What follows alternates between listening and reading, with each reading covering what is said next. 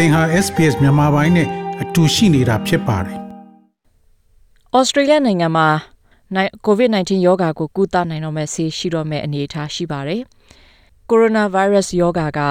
အမေရိကန်နိုင်ငံ၊ဗြိတိန်နိုင်ငံစတဲ့ကမ္ဘာနိုင်ငံတွေမှာအများအပြားကူးစက်ပြန့်နှံ့နေတော့မှာပဲကုသဆေးတွေထွက်ပေါ်လာတာကတော့သတင်းကောင်းလို့ဆိုရမှာပါ။ဩစတြေးလျနိုင်ငံမှာဆိုရင်လည်း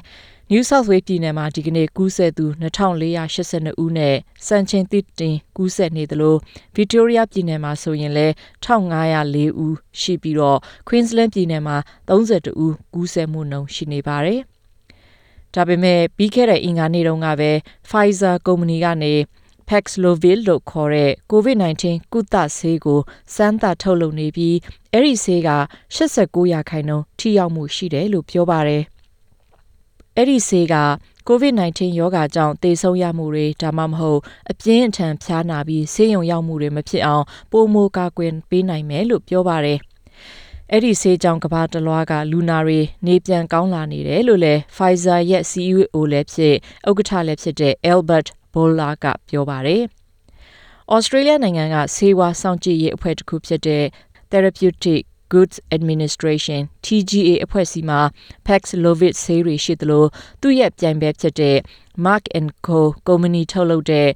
Molnupiravir လို့ခေါ်တဲ့ COVID-19 ကုသဆေးတွေလည်းရှိနေပြီးနှမျိုးစလုံးကို အနီးကစောင့်ကြည့်လေ့လာမှုတွေလုပ်နေပါတယ်။အခုလောလောဆယ်ကဘာမှာပြန့်နှံ့လာနေတဲ့ Omicron မျိုးကွဲနဲ့ Delta မျိုးကွဲပိုးတွေကြောင့် ဩစတြေးလျနိုင်ငံမှာ COVID-19 ကူးစက်မှုများလာနေပြီးအဲ့ဒီလိုကုသဆေးတွေသာရှိရင်တော့ကဘာကြီးကိုကာယောဂါရဲ့အမျက်ဒေါသကနေပုံမအကာအကွယ်ပေးနိုင်မယ်လို့ပညာရှင်တွေကပြောဆိုကြပါတယ်။အဲ့ဒီတော့အဲ့ဒီကိုဗစ်ဆေးတွေကဘာတွေပါလဲ။ University of Sydney ဆေးဝါးဆိုင်ရာဌာနကတွဲဖက်ပမောက္ခ Nile Wheat ရဲ့ရှင်းပြချက်အရ COVID-19 နဲ့ပတ်သက်ပြီးကုသတဲ့အခါမှာ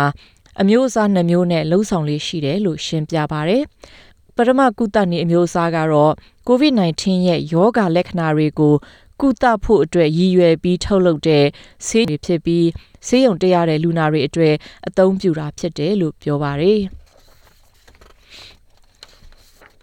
ဒုတိယအမျိုးအစားကတော့ COVID-19 ယောဂါကိုဓာတ်ရိုက်ကုသပေးတဲ့ဆေးအမျိုးအစားဖြစ်ပြီး အဲ့ဒီဆေးတွေနဲ့မှပဲကယောဂါဆိုးကြီးကိုတွန်းလှန်နိုင်မဲ့အနေအထားရှိတယ်လို့ပညာရှင်တွေကပြောပါတယ်။အဲ့ဒီလိုဒုတိယအမျိုးအစားဆေးတွေကတော့အပေါ်တုန်းကတင်ပြခဲ့တဲ့ Pfizer ကုမ္ပဏီကထုတ်လုပ်တဲ့ Paxlovid နဲ့ Merck Co ကထုတ်လုပ်တဲ့ Molnupiravir ဆေးတွေဖြစ်ပါတယ်။အဲ့ဒီဆေးနှမျိုးစလုံးကလူတွေကိုဆေးရုံရောက်တဲ့အဆင့်မဖြစ်အောင်လှုံ့ဆော်ပေးနိုင်တဲ့အတွက်အားရစရာဖြစ်တယ်လို့ပါမောက္ခဝိတ်ကပြောပါတယ်။ အဲ့ဒီဆေးတွေကိုဝယ်ပြီးအိမ်မှာနေရင်းနဲ့တောက်လိုက်ရုံနဲ့တက်တာနိုင်တဲ့အတွက်ဆေးရုံတက်ရတဲ့အဆင့်မရောက်အောင်လှုံ့ဆော်ပေးနိုင်တဲ့အတွက်အားရစရာဖြစ်တယ်လို့ပြောပါတယ်။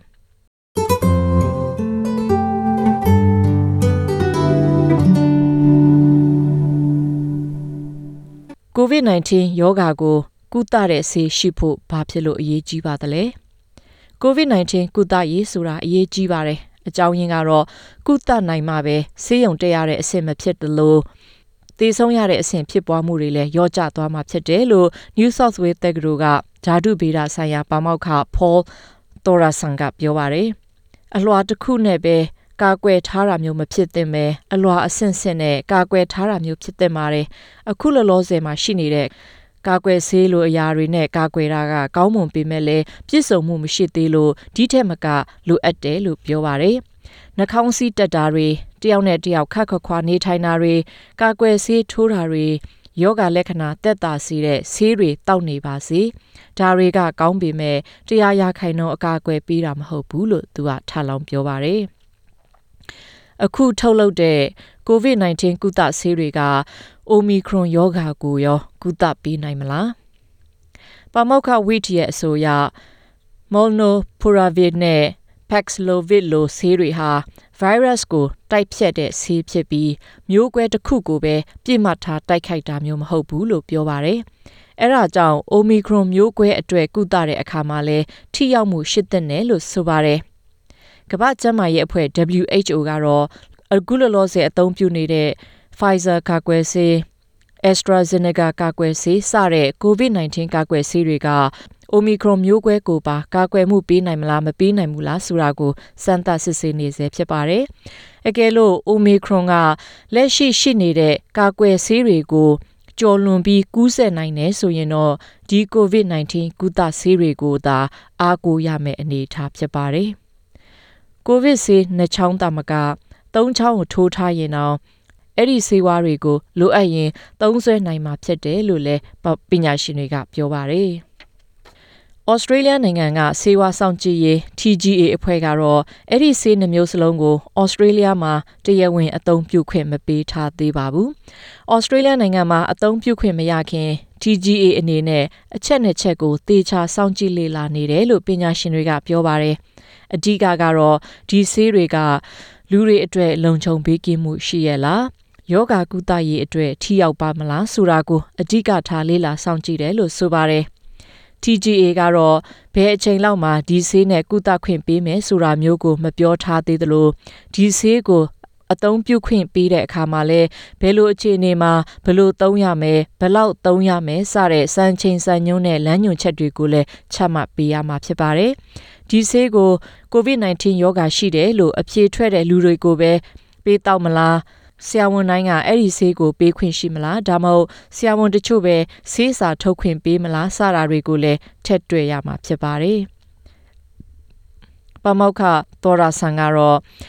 ယောဂရှိမနေတဲ့လူကိုဆေးပေးရင် ထိရောက်မှုရှိမှာမဟုတ်လို့ COVID-19 ကူးစက်ခံရကြောင်းအဖြေထွက်ထားတဲ့လူတွေသာအဲ့ဒီဆေးကိုရနိုင်မဲ့အနေအထားရှိတယ်လို့ခံမှန်းပြောဆိုထားပါတယ်။အခုလောလောဆယ် TGA အဖွဲ့ကအဲ့ဒီဆေးဝါးတွေကိုသုံးနိုင်ပြီလို့ခွင့်မပြုထားပေမဲ့လည်းဩစတြေးလျအစိုးရကတော့အောက်တိုဘာလကတည်းက Molnupiravir ကိုဗစ်ကုသဆေး3သိန်းကိုကြိုတင်ဝယ်ထားပြီးဖြစ်ပါတယ်။ဒီလိုပြင်ဆင်မှုဟာလှုပ်တဲ့အရာဖြစ်ပြီး TGA ကခွင့်ပြုတာနဲ့နိုင်ငံသားတွေအသုံးပြုဖို့အသင့်ရှိနေတာကကောင်းတယ်လို့ပါမောက္ခသောရတ်ဆန်ကပြောပါတယ်။ဒီလိုကြိုတွင်ဝယ်ထားတာတွေပြီးတော့အဲ့ဒီဆေးကိုမတုံးဖြစ်ရင်အလကားငွေကုန်တယ်လို့ဇောရကတက်နိုင်ပေမဲ့တကယ်တော့အသက်သေးဆုံးမှုတွေဆေးမကုနိုင်တဲ့အနေအထားတွေနဲ့ရှင်ရင်ဒီဟာတွေကတော့မဖြစ်စလောက်ဆုံးရှုံးမှုသာဖြစ်တယ်လို့ထောက်ပြပါတယ်။ပမောက္ခဝိတ်ကလည်းဒီလိုကြိုတင်ပြင်ဆင်မှုတွေကိုကြိုဆိုလိုက်ပြီး ဒီဆေးတွေကိုအသုံးပြုနိုင်ပြီလို့ပညာရှင်အတိုင်းဝိုင်းကသတ်မှတ်လိုက်တာနဲ့ကမ္ဘာနိုင်ငံတွေမှာအလူရဲ့ဝယ်ယူကြမှာဖြစ်လို့ TGA ကအသုံးပြုခွင့်ပေးမှပဲဩစတြေးလျအစိုးရကအဲ့ဒီဆေးကိုလိုက်ပြီးဝယ်နေမယ်ဆိုရင်နလ3လစောင့်ဆိုင်ရတာမျိုးဖြစ်နိုင်တယ်လို့ပြောပါတယ်။အစိုးရအနေနဲ့အခုလိုကြိုတင်ပြင်ဆင်ထားတဲ့အနေနဲ့တရားဝင်အတိမမပြုတ်သေးတဲ့ဆေးတွေကိုကြိုတင်ဝယ်ယူတာဟာ နိုင်ငံတော်ရဲ့အန္တရာယ်လူနာတွေရဲ့အသက်အန္တရာယ်ကိုရော့ကျအောင်လုပ်ရရောက်ပြီးသုံးလို့ရပြီဆိုတာနဲ့ထုတ်သုံးနိုင်တဲ့အခြေအနေရှိအောင်လှုံ့ဆော်ပေးခြင်းသာဖြစ်တယ်လို့ပြောဆိုခဲ့ကြပါတယ်။သရရှင်များရှင်2022ခုနှစ်မှာ COVID-19 ရောဂါကိုအဆုံးသတ်နိုင်မယ်လို့ပညာရှင်တချို့ကထင်ကြေးပေးနေကြပေမဲ့အခုအခါမှာတော့2024ခုနှစ်မှာဖြစ်နိုင်မယ်လို့လည်းပြန်ပြောင်းပြောဆိုမှုတွေရှိလာပါတယ်။ အခုဆိုရင်ကမ္ဘာပေါ်ကနိုင်ငံပေါင်း80နီးပါးမှာ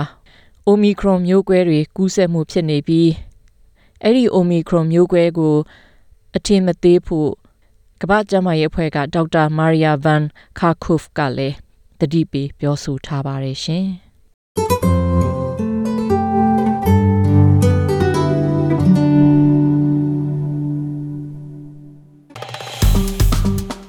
SPS မြန်မာပိုင်းကို Facebook ပေါ်မှာ like ရှာပြီး like မျှဝေမှတ်ချက်ပေးပါ